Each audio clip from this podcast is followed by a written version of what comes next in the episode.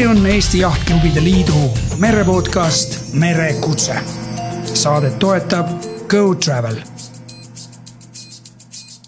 tere, head kuulajad, on käes jälle aeg, et vaadata otsa mereteemadele. merekutse, merepodcast alustab, mina olen saatejuht Kaido Kahar ja tänase saate teema on mu arm ja ja sihuke suur-suur kirg ehk siis folkboot ja Gold Cup võistlus äh, Tallinnas.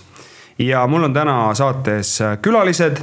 Heleri Pops, Gold Cupi regati direktor, tere, Heleri. tere, tere. Äh, Signe Riisalo, kirglik purjetaja. tervist. ja Tanel Murre, kelle kohta ma ei oska öelda mitte midagi muud, kui et armastatud purjetaja. tere, tere teeme ühe asja alguses selgeks, ehk siis meie saates on selline hea traditsioon, kus äh, kõigepealt meenutame seda, mis on olnud. Tanel, vaatan sulle silma ja palun meenutada, ütle, milline oli see esimene kord, kui sa merele üldse läksid valge purje alla lainete vahele, tuleb sulle meelde? absoluutselt ei tule, see oli nii ammu ja sinna on tulnud peale uued ja uued kultuurikihid. küll on võib-olla selle teekonna jooksul on jäänud meelde mõned eredamad äh, mälestused näiteks siis, kui ma mast murdus ja ma lendasin koos mastiga üle parda. aga kuna ma hoidsin vandist kinni, siis ma vupsasin sealt tagant välja sipsti. ja võib-olla teine, kui me Gold Cupil, see oli nüüd Aarhüsis, jäime äikese pagi kätte, kõik nägi välja nagu Aivazovski maalil, aga kümme korda värvilisem ja kümme korda dünaamilisem. vot sellised seigad jäävad meelde, aga see esimene kord kes, ei tõesti ei tule meelde, ma pean, võib-olla saate lõpus tuleb meelde. aga ma küsin, kas sa alustasid vana, vanuigi purjetamist või lapsena? minu, ma sattusin äh, mitte nüüd päris vanuigi, aga kuskil seal mõnusates kolmekümnendates, kus, kui minu hea sõber ütles, et ta oli maha müünud korteri ja osa sellest rahast võiks kulutada purjeka ostmise peale, et kui sa tuled meeskonda, siis ma ostan selle purjeka. Ja siis ma ütlesin, et loomulikult, aga kuna see toimus vabariigi aastapäeva tähistamise ajal ja mõned pidujoogid olid juba sees, siis loomulikult tuli väga lihtsasti. Ja pärast seda ma olengi nüüd purjetanud. Äh, Signe, mäletad sa enda esimest korda, kui sa purjede alla lainete vahele sattusid? jaa, mäletan, no kes sellist asja siis ei mäletaks aga ma läheks ka kõigepealt äh, kaugemasse ajalukku, käisin äh, koolis, äh, gümnaasiumis või keskkoolis toona öeldi selle kohta. ja mul oli mitu klassikaaslast, kes käisid purjetamistrennis. Ja ma vaatasin neid kogu aeg sellise kadedusega ja imetlusega, sest mulle tundus, et purjetamine on välja valitutele ja et nüüd mina ei kuulu nende hulka. Aga siis üheksakümne kaheksandal aastal teadlikult siis oli see esimene kord, kui ma valgete purjede all nii-öelda seilata sain seljas oli äh, mäesuusakostüüm, läbi märg loomulikult. ja, ja sealt see pisik tegelikult külge jäi, nii et äh, meie lugu siis läks lahti naiskonnaga laenatud paadiga, siis kui lennuk äh, läks ümber maailmareisile, siis väike Polaris tüüpi jaht jäi siia Eestisse, mille me saime oma kasutusse naiskonnaga mõnedel tingimustel, tingimused olid alljärgnevad. Kõigepealt ütles ähm, Tiit Riisalo, kes laeva omanik oli või üks nendest et äh, kapten on Kristiina Klaos ehk naiskonnaks sobilik äh, kapten, kellega Tiit oli ka sõitnud. Ähm, spinnakeri üles ei tõmba, siis see viimane asi oli kõige olulisem, aga jäta meelde, laev on minu esimene armastus, sina alles teine ja niimoodi me sõitma hakkasime. nii, Heleri, kuidas sinul oli see kõige esimene kord? Ja minul on ajalugu üsna lühike purjetamisega, et äh, töötasin kunagi Pipedrive'is ja natuke sarnane kogemus nagu Signal, et vaatasin ümberringi ja kõik purjetavad ja miks mina ei või siis purjetada ja võib-olla siis esimese kogemuse sain koos Peeter Meresaarega, läksin niimoodi klassikalisele kursusele ja pärast seda panin enda tormikad selga ja läksin iga kolmapäev piltlikult öeldes seisin siis seal äh, kai peal ja vaatasin, kes peale võtab, et kellega sõita saab. ja päris äh, mitme erineva kollektiiviga olen purjetanud, masti murdumise olen ka üle elanud koos äh, Atsurra meeskonnaga ja nüüd äh, hetkel siis on meil äh, endal äh, väike jaht nimega Tuli tuli, selline punane tikutops, teiste vahel seisab seal Kalevi jahtklubis, et H-paadiga on tegemist. see on ka üks selline klassikaline kaunitar.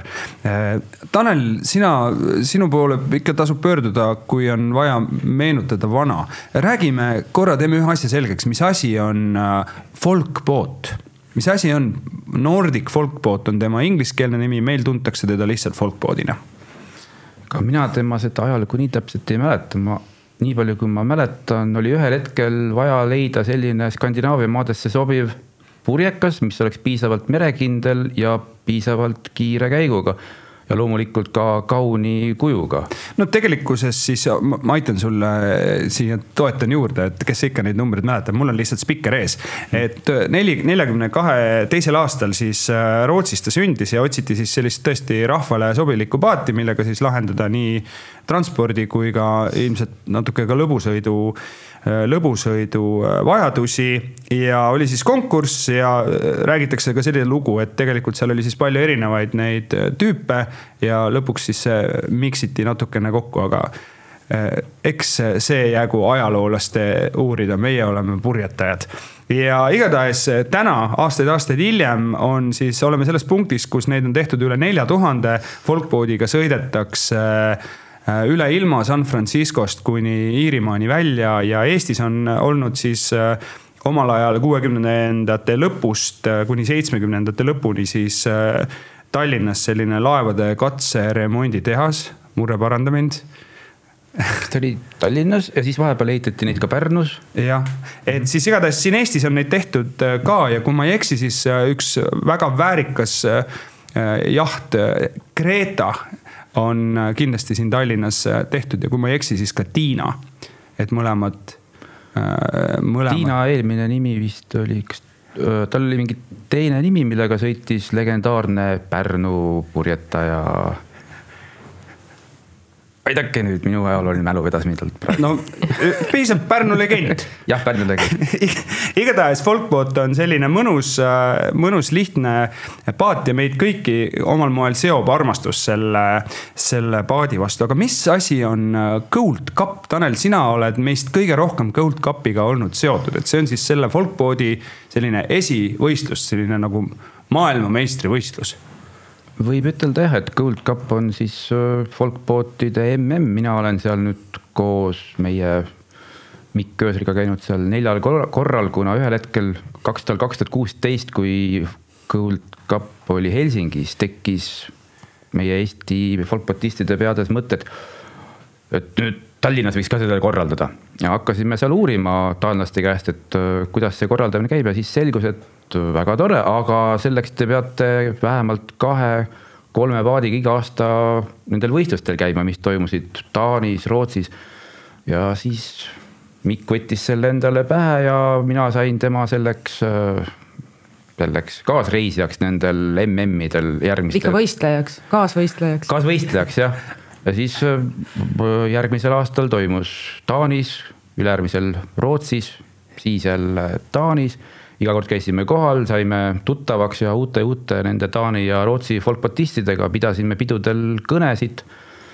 ja katsusime ennast võimalikult meeldejäävaks äh, teha kohtadesse meie mm, Äh, esialgu veel ei kajastunud see meie pingutus. Pingutus. Et kui mõni sõit lõppes ikkagi, saime sinna teise kümnesse, siis oli juba rõõm suur. midagi pole teha, kõik need kuuekümnesed, seitsmekümnesed mm, Skandinaavia härrasmehed, kes maa peal ülemäära kiiresti ei mm, kõndinud, sest vee peal panid neist, meist mööda vasakult ja paremalt võiks isegi ütelda, et pealt ja alt, sest kogemus on neil niivõrd no, suur. mis tähendab seda, et pealtnäha hästi lihtne paat, nagu see folkboat on, siis ikkagi sõiduoskused ja kogemused äh, on need, mis laeva liikuma panevad, et äh, ei ole nii, et äh, tõmbad purjed ülesse ja, ja kihutad, et peab ikkagi oskama ja seda vilumust tuleb aastatega.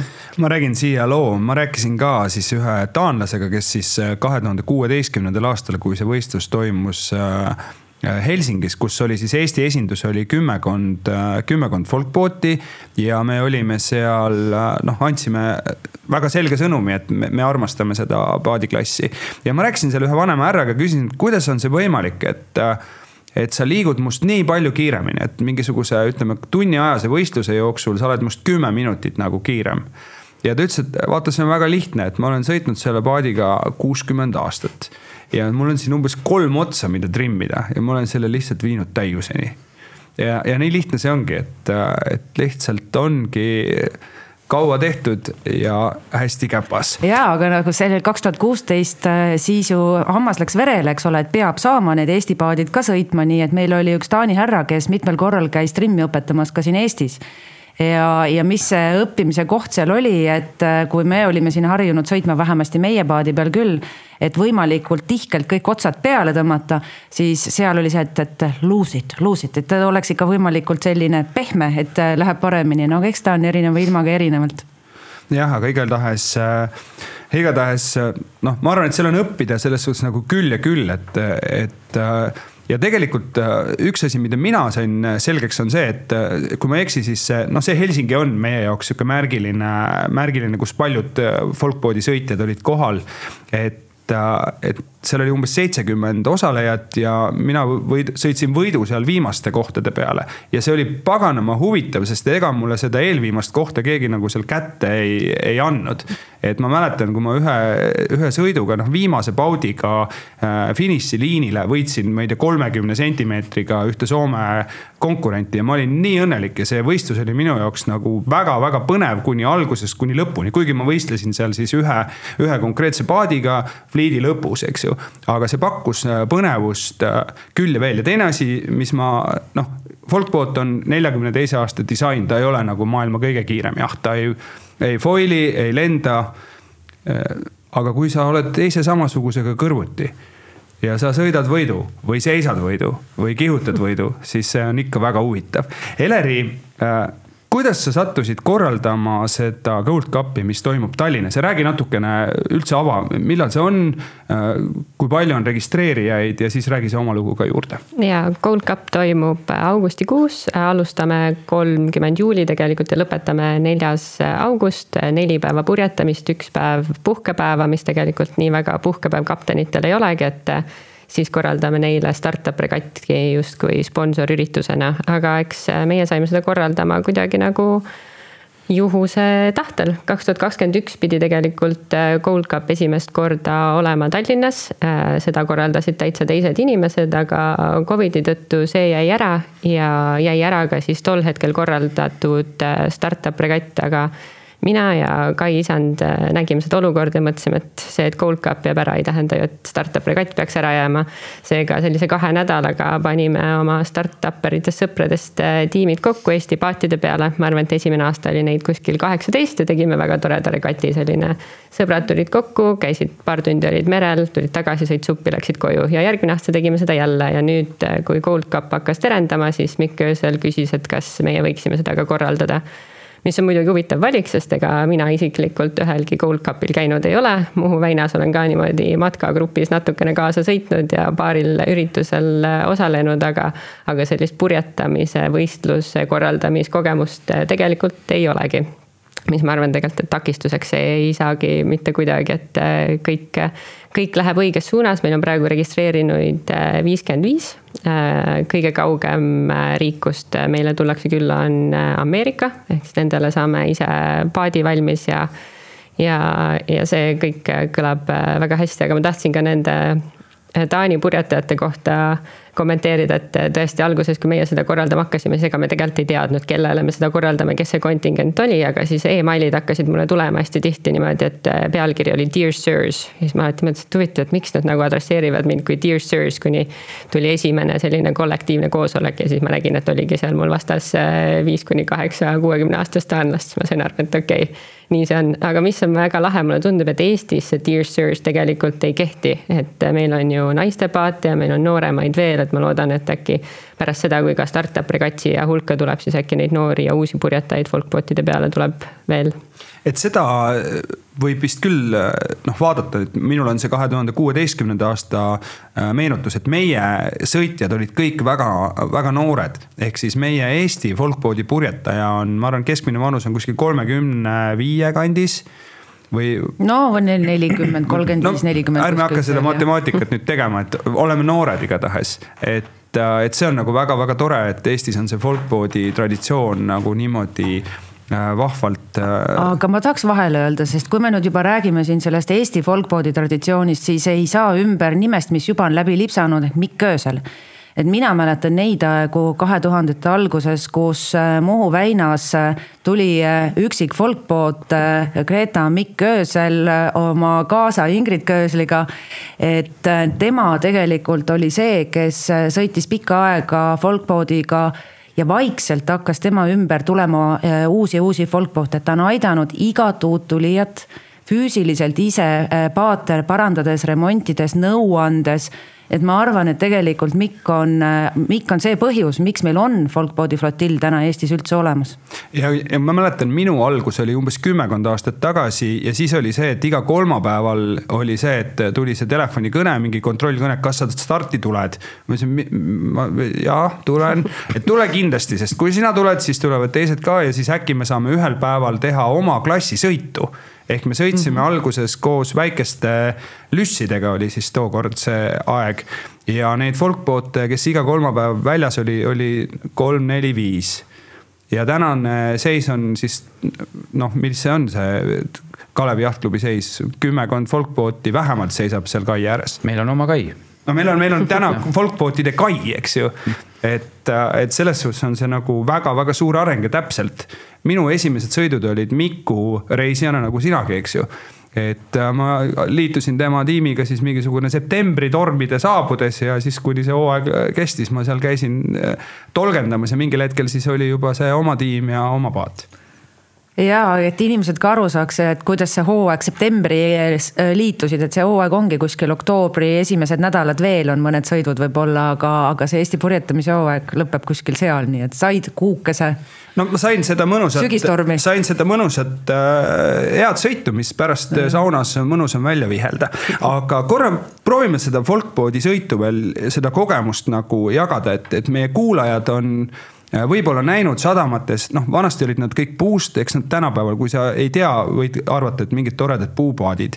et äh, mis, palju sinna inimesi mahub ja, ja, ja kui kaugele temaga kannatab sõita, Tanel?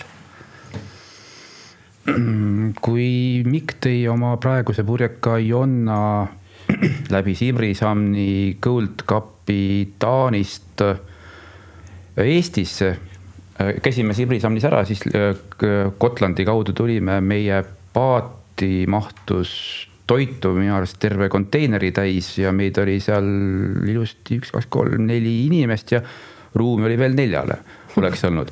ja kui mina mäletan, üks aasta tulid Helsingist, Viabüri toopilt tuli kolm folkbootide meeskonda tulid äh, vist ühe selle ühe puust folkboodiga, mis minu, äkki minu, oli. minu omaga tuli. sinu omaga ja vist, teil vist lõppes, juhtus sihukene asi, et.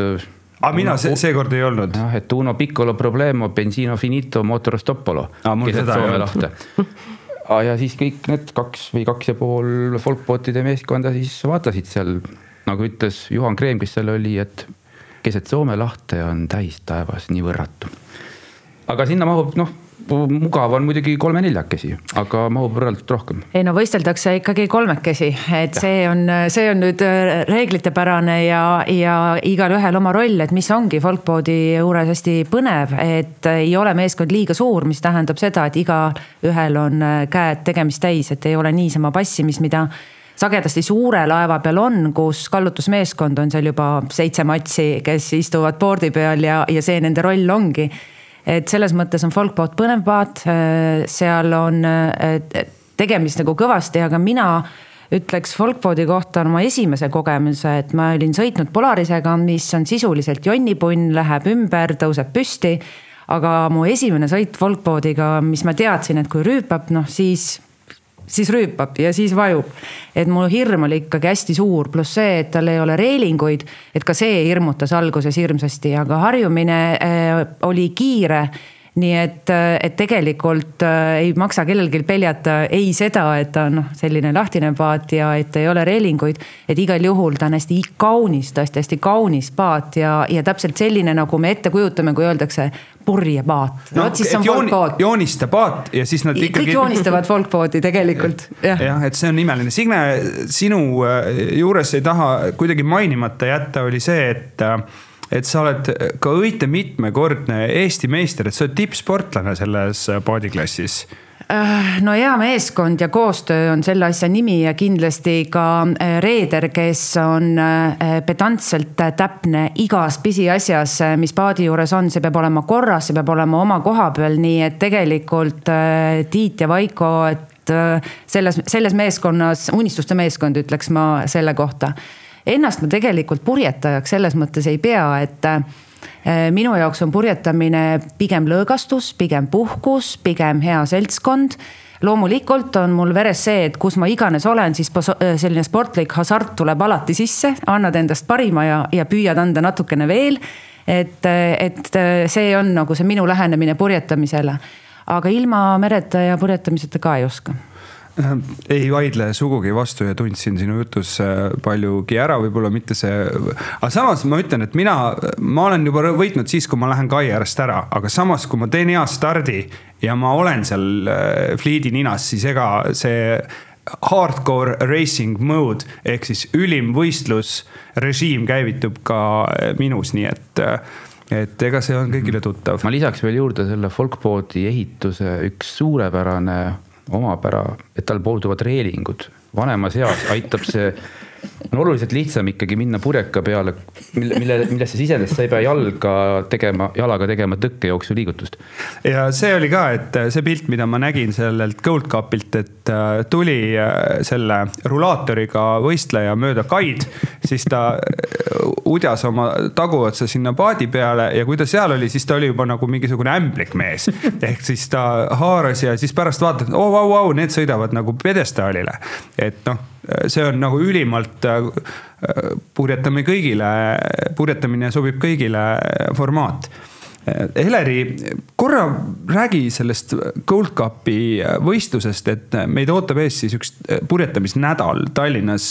mis see koht on, kus see fliit koguneb ja, ja kus see programmi osa on mm? -hmm. koht on Kalevi jahtklubi Äh, algab ta tegelikult isegi, ta on selline kolmest võistlusest koosnev suur purjetamisnädal tõesti, et ta algab Eesti meistrivõistlustest, eestlased, ma loodan, et tulevad sinna kõik osalema ja välismaalastel on ka võimalus siis äh, juba ära proovida, et mis tingimused on. pühapäeval äh, on suur avamine, loodame olümpiatule süüdata ja rääkida. kuupäev, kuupäev, kuupäev? pühapäev, kolmkümmend juuli ja et loodame tule süütada ja rääkida natukene, miks see Kalevi jahtklubi ja Pirita on oluline, äh, võib-olla isegi on seal sihuke politseiorkester või ikka tahaks natuke kräu ka teha. ja siis, äh, siis juba esmaspäevast hakkavad sõidud, esmaspäev, teisipäev, neljapäev, reede on võistlussõidud ja kolmapäeval on startup regatt. nii et ja see rada jookseb kus koha pealt, kui sooviks vaadata, võtta, ma ei tea, oma jaht, tulla kaasa elama, millised need head kohad on? seda rada näeb igalt poolt, ma arvan, et kus iganes on merele vaade, siis seda on võimalik näha, et see rada on isegi reeglite järgi niivõrd pikk, et Tallinki laevaliiklust peab natukene ümber korraldama selle jaoks no kas ma saan aru, et tegemist on siis täiesti erakorralise asjaga Tallinna lahel, kus folkbootide tõttu peavad Tallinki laevad veidi ringiga sõitma? no võib-olla ma valetan, kui ma ütlen, et see on esmakordselt, aga mulle meeldib ikka öelda ja et loomulikult see on täiesti erakordne ja varem sellist asja ei ole juhtunud. ja ühe sõidu pikkus on siis äh, circa tund, ma kujutan ette või? noh, eks seda saab äh, näha see ju sõltub ka tuule tugevusest mm, -hmm. distants on ikka sama, nii et et igal juhul ühel päeval tehakse, tehakse mitu sõitu ja, ja kui palju see Gold Cup on avatud äh, siis linnarahvale, kas see programm, mis seal on, on suunatud nagu väljapoole ka nendele fännidele, sest et folkboat on hästi ju tore paat, mida ju tahaks teistega ka jagada, et kas need, kes praegu kuulavad, saavad ka tulla ligi ja kaasa elama? ma arvan, et linnarahvale ongi kõige suurem väärtus see, et äh, lihtsalt pöörata pilk mere peale ja vaadata, mis seal toimub, et ähm, on on küll avamine ja sulgemisprogramm ka, aga ma arvan, et kui sa ise selles ei osale, et võib-olla siis linnarahvale see ei ole nii, nii põnev, aga, aga jah, kaasa elada siis kui stardid antakse, siis kui jahid tulevad tagasi, ma arvan, see on kõige suurema emotsionaalse väärtusega kõigile. mina arvan, et ükskõik, kes tuleb äh, Kalevi jahtklubisse uudistama paati, siis kindlasti võtke purjetajatel nööbist kinni, kui on huvi, küsige detailide kohta, et hea meelega, purjetajad on avatud mm. inimesed ja räägivad alati hea meelega oma paadist ja meresõidust. jah, et selles suhtes on see tõesti hea võimalus nagu populariseerida ka, et kuna see noh, kui ma vaatan endale otsa või vaatan siin härra Murrele või sulle, Signe või Heleri sulle et siis, kui keegi tõesti tuleb ja ütleb, et jõu, mis teil siin toimub ja mis laadi paat see on, siis ma vähemalt teid ja ennast tundes kindlasti pean väikse sissejuhatava loengu. Ja kõik lapsed, kes tahavad korra paati astuda, saavad seda ka kindlasti teha, aga, aga igaks juhuks ütlen, et äh, sadamates on see reegel, et alati tuleb reederilt küsida, kaptenilt luba küsida. et äh, kas võib pardale astuda, et äh, kui oled viisakas, siis saad viisaka vastuse.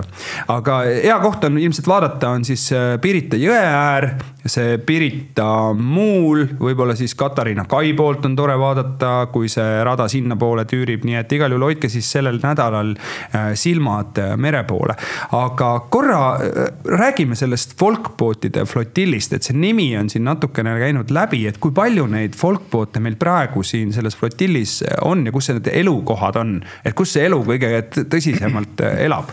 et noh, Kalevist me juba rääkisime, meil on terve hulk folkboote. siis on meil Haapsalu poisid. Hiiumaa, Saaremaa. Saaremaa. Pärnu jah, juba. ei, meil üle Eesti kõik, kõik olulised sadamad on tegelikult ikkagi kaetud, nii et, et ma arvan, et flotill on teinud head tööd ja laienenud korralikult. Mm. lisaks on meil üks Tartu purjetaja, kes ise on ungarlane, Paalas. jah, õige. temast võiks rääkida, pühendada ühe eraldi hetke, et tema on kirglik äh, äh, soolosõitja ehk siis, et folkboot on parasjagu nii suur, et sellega kannatab üksi täitsa edukalt sõita, kui sa armastad üksi endaga aega veeta.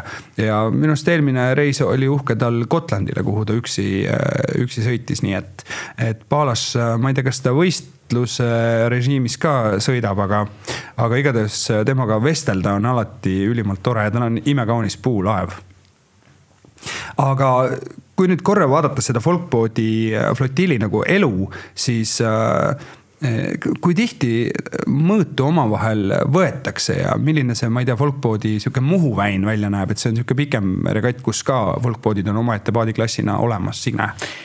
no ega seda mõõtu saab ju võtta sagedamini kui kord aastas nädal aega järjest Muhu väinas. tegelikult on kolmapäevaregatid äh, siin Tallinnas ja sagedasti ka mõnele nädalavahetuse pikemale Tallinna regatile, Kalevi Jahtklubi regatile tulevad äh, saarlased ja, ja, ja hiidlased äh, ka kohale et see mõõduvõtmine pigem ja eks sagedam ja eks see on ka oluline, et, et valmistuda siis selleks Muhu väinaks ja veel jahti trimmida või oma oskusi lihvida. aga Muhu väin on siis tõesti nädalane üritus ja algab juba eeloleval nädalavahetusel Äh, Pärnust äh, lõpeb ta Hiiumaal, seekord on folkboodi jaoks ka üsna sellised pikad sõidud, osad äh, mis noh, kui teised on ammu kohale jõudnud sadamasse, saunas käinud, supid söönud, et siis folkboodid võib-olla kunagi kuskilt hakkavad paistma ka.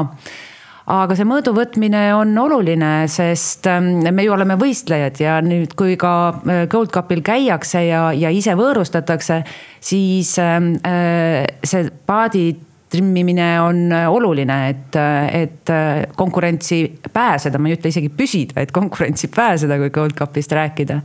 nii et nädal aega kord aastas on tõesti siis see, kus folkboodid nii palju saab kokku tulevad. no kuidas teie kui folkbotistid mootorisse suhtute? oi, väga kehvasti suhtume, sellega on üks igavene rist ja viletsus.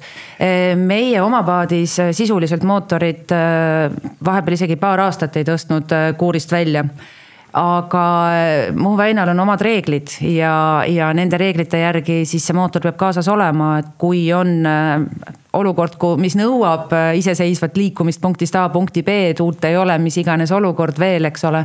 et siis see nõue on olemas. et ehm, ei, me, ega me ei suhtu sellesse hästi no mina suhtun mootorisse täiesti ilma igasuguste eriliste emotsioonideta, et kui ta mul on kaasas siis äh, ma vahel olen teda pannud käima ja viimati ma sõitsingi, oli täielik tuulevaikus Tallinna lahel, ma tahtsin hirmsasti välja minna, mõtlesin, et ma ei jõua seal jõe peal nagu pautida mingi nelikümmend viis minutit, enne kui ma sinna äh, välja saan, et ma siis sõitsin välja ja panin ta seisma ja jube heaks läks kohe, kui see müra ära kadus. lisaks juurde, et on hetki, kus mootor on folkbotistide suur sõber, näiteks aastal kaks tuhat kuusteist Helsingis, kus võistluspaik oli sadamast kaugel-kaugel, aga võistluspaika sõitmiseks ei jagunud tuult, küll oli Folkboot Kunillal üks mootor ja ühel hetkel oli Kunilla nagu ema. kõige populaarsem. kõige populaarsem purjekas, kellel oli neli-viis. seitse. seitse ma vaatasin, võib-olla ma mäletan, see, sest see oli tõesti imeline hetk, kus kõik Eesti folkpoodid olid meie tagareas, et tavaliselt võistlusolukorras seda kunagi ei juhtu. aga kuna teised olid väga korralikud ja mootorit tarkas, tark, tark, targu kaasa ei vedanud, siis me vedasime ja sellest on imelised pildid, kes soovib, leiab need folkbootide flotilli lehelt Facebookist. jah, aga no võistluste ajal on ta ikkagi lisapõllast. jah, ega oleneb see ju kõik sellest sõidust ja, ja asukohast, et lühirajal ma ei näe mitte mingit põhjust, miks äh, miks teda üldse kaasa võtta ja miks sa üldse sellest mootorist tahtsid rääkida? lihtsalt huvitav teema minu meelest, et kuna sa mainisid, kui pikad need sõidud on äh, Muhu väinal, et äh, teised võib-olla lõpetavad ära ja sõidavad mootoriga koju, aga kas on nii, et varem ei ole tegelikult seda reeglit olnud, et peab mootor kaasas olema? see nüüd olema? paar viimast aastat ja, on ja. see mootori nõue olnud jah ja., et varasemalt seda sellisel kujul ei olnud aga mootor või mitte, igatahes Folkboat on imeline, imeline laev.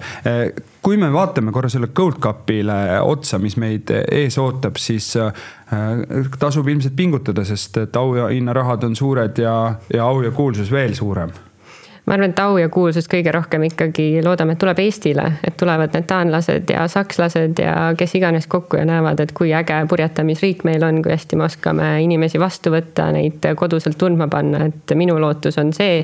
ja teine lootus, kes ka see, et folkboardid saavad populaarsemaks, et startup regati üks korraldamispõhjuseid on see, et tuua rohkem inimesi, näidata neile, milline see folkboat on ja kui lihtne sellega tegelikult on alustada, et sa ei pea aastaid raha koguma, et osta mingit suurt lahmakat endale, vaid äh, saadki hakata kolmapäeviti vaikselt käima ja räägime korra selle startup'i hmm. regati, mis on siis selle Gold Cupi regati sees, et see on, äh, mis tüüpi regatt see on? Tead, me oleme kaks aastat seda niimoodi oma nagu sõprade kambas korraldanud, eesmärgiks see, et kõigil oleks tore ja teiseks, et saaks natuke raha koguda nii flotillile kui ka vabatahtlikule merepäästele. ja kaks aastat ongi siis Eesti startup'id pannud oma tiimid kokku ja tulnud osalema, et on olnud a la Veriffi paat ja on olnud Klausi paat ja siis nad on võtnud äh, paar tundi merel äh, mõõtu. aga kuna nüüd on see võimalus, et tuleb nii palju jahte kokku, siis me oleme seda üritust äh, saame ka suuremalt korraldada ja kaasame ka investorid, et lisaks siis lihtsalt lõbusale õhtupoolikule saavad startup'id ka juba õiged kontaktid kätte ja.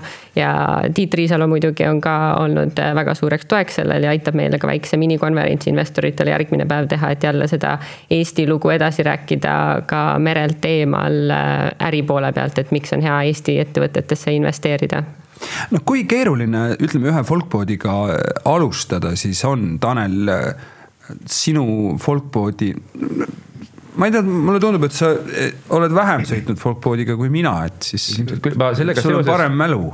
kui sa küsisid minu esimese purjetamiskogemuse kohta, siis nüüd mul lõpuks tuli meelde, et see purjekas, mis sai ostetud, see asus üldse Tapurlas äh,. Hara lahes Juhinda poolsaare siis idaküljel ja kus ta oli kaks-kolm aastat meil Rock kakskümmend stiilis, mis on ka sama merekindel kui siis folkboat kui selline selle peale ma siis õppisin, aga kuidas on folkboardiga sõita, no mis seal ikka, see nagu ütles see Sören Kästel, maailmameister mitmekordne, folkboardiga sõitmine on hästi lihtne, tuleb lihtsalt sõita võimalikult kiiresti õiges suunas ja kõik need võidud tulevad niimoodi. ja, aga pidi olema hästi keeruline, et kuna ta on nii lihtne paat, siis ongi keeruline. näiteks draakoniga pidi olema sõita, kuigi see on hästi palju juppe küljes, mida tõmmata. Aga seevastu draakoniga sõitmine pidi Söreni sõnul olema palju lihtsam kui folkboardiga. lihtsalt seal on kõik nii viimase peale viimistletud, et äh, selle õppimine, nagu sa ütlesidki, et kolm otsa Äh, mida on eluaeg harjutanud, tulebki eluaeg harjutada ja pidevalt harjutada. aga kui vaadata nagu noh, Signe, sina, ma ei tea, kas sa omad praegu folkbooti, sa oled kindlasti omanud folkbooti. Tanel, ma ei tea, kas sa omad folkbooti? mina olen kaasreeder, jah. sa oled kaasomanik, mina olen ka kaasomanik, et mm., et kui me vaatame sellele folkbooti pidamisele otsa, et kui kättesaadav see ühele ristiinimesele on, et folkboot, rahvapaat, eeldame siis, et mitte rikas inimene, eks ju. no see on nii nagu iga asjaga, et on võimalik teha maksimumi ja võimalik siis ka lähtuda sellisest optimaalsemast lahendusest eh, folkboardi ostmine, kasutatud folkboardi ostmine on kindlasti kättesaadav ja kui sinna natukene siis ka kas ise tööd sisse panna või, või Mikk Öösli nõu kuulata ja abi paluda. et siis on ta tegelikult ikkagi üsna-üsna kättesaadav, aga ka pidamise mõttes eh, sõltub ju sellest, mis on sinu eesmärk, et kui sa oled merematkaja, mis on ju väga hea paat tegelikult valgpaat merematkamiseks, sa pääsed madalamatesse sadamatesse. süvis üks kakskümmend. täpselt et, ähm, et siis ei ole sul vaja ka iga aasta uusi purjeid hankida, mis on tegelikult ka omaette kulu, nii et äh, võimalik on äh, nii ja naa äh, panna sisse rohkem raha, võistelda ja noh, eks need jahid, kes nüüd püüavad äh, ka Gold Cupil äh, konkurentsis püsida või sinna pääseda, et nemad on kindlasti ka purjedesse ja varustusse rohkem investeerinud, aga saab ka lihtsalt. no kui ma nüüd äh, kuulajale teen pildi selgemaks, siis hetkel on täitsa müügis meil siin Eestis oma folkboot Svea, kui ma ei eksi. seda on võimalik hankida endale mingisuguse kolme-nelja tuhande euroga, tõenäoliselt ise sinna tunde tööd sisse pannes, tõenäoliselt sellega saab sõita mitte midagi tegemata rahulikult hooaja lõpuni. ehk siis eelarve on umbes selline puu folkboodi puhul, kasutatud puu folkboot paar-kolm-neli tuhat eurot, vaata Soome, vaata Rootsi, õnneks täna ka Eestisse.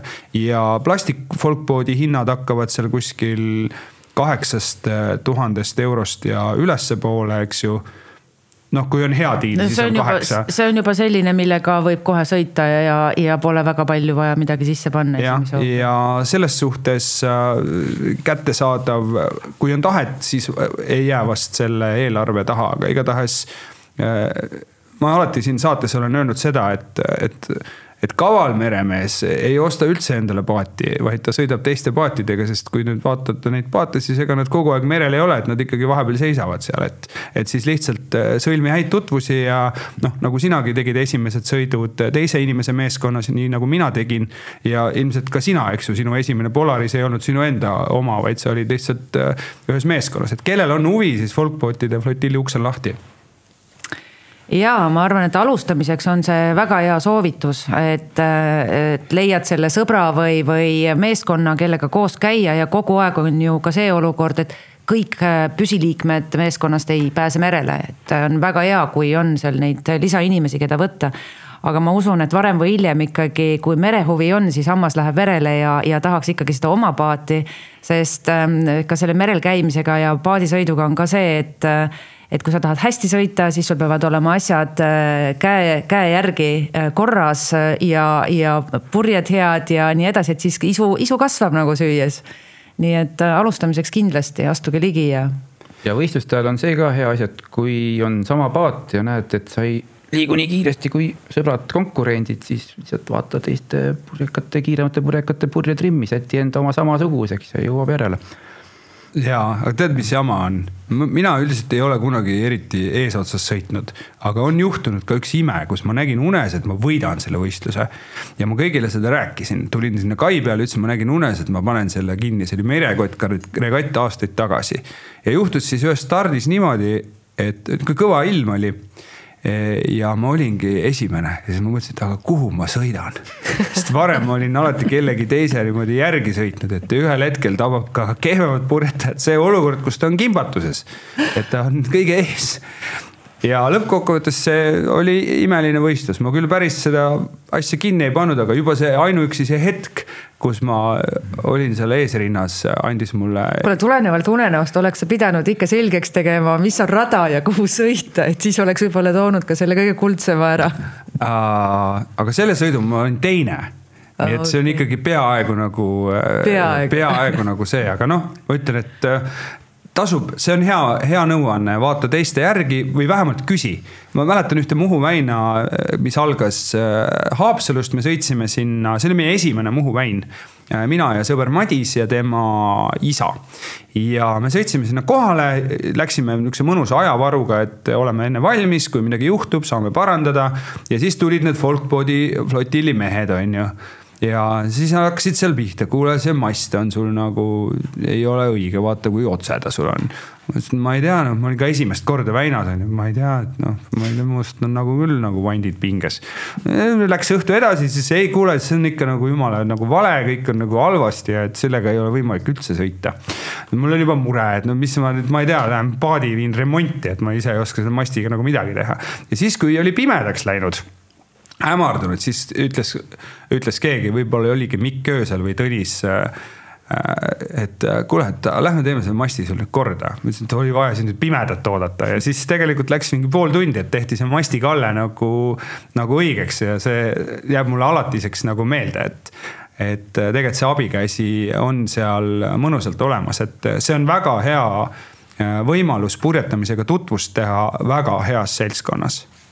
Ja kui me vaatame seda seltskonda, kes Eestis purjetab ütleme, niisugused vanemad, legendaarsemad, hallipäised äh, võib-olla, siis äh, folkboard'i juurest läbi käinud on, on väga-väga paljud.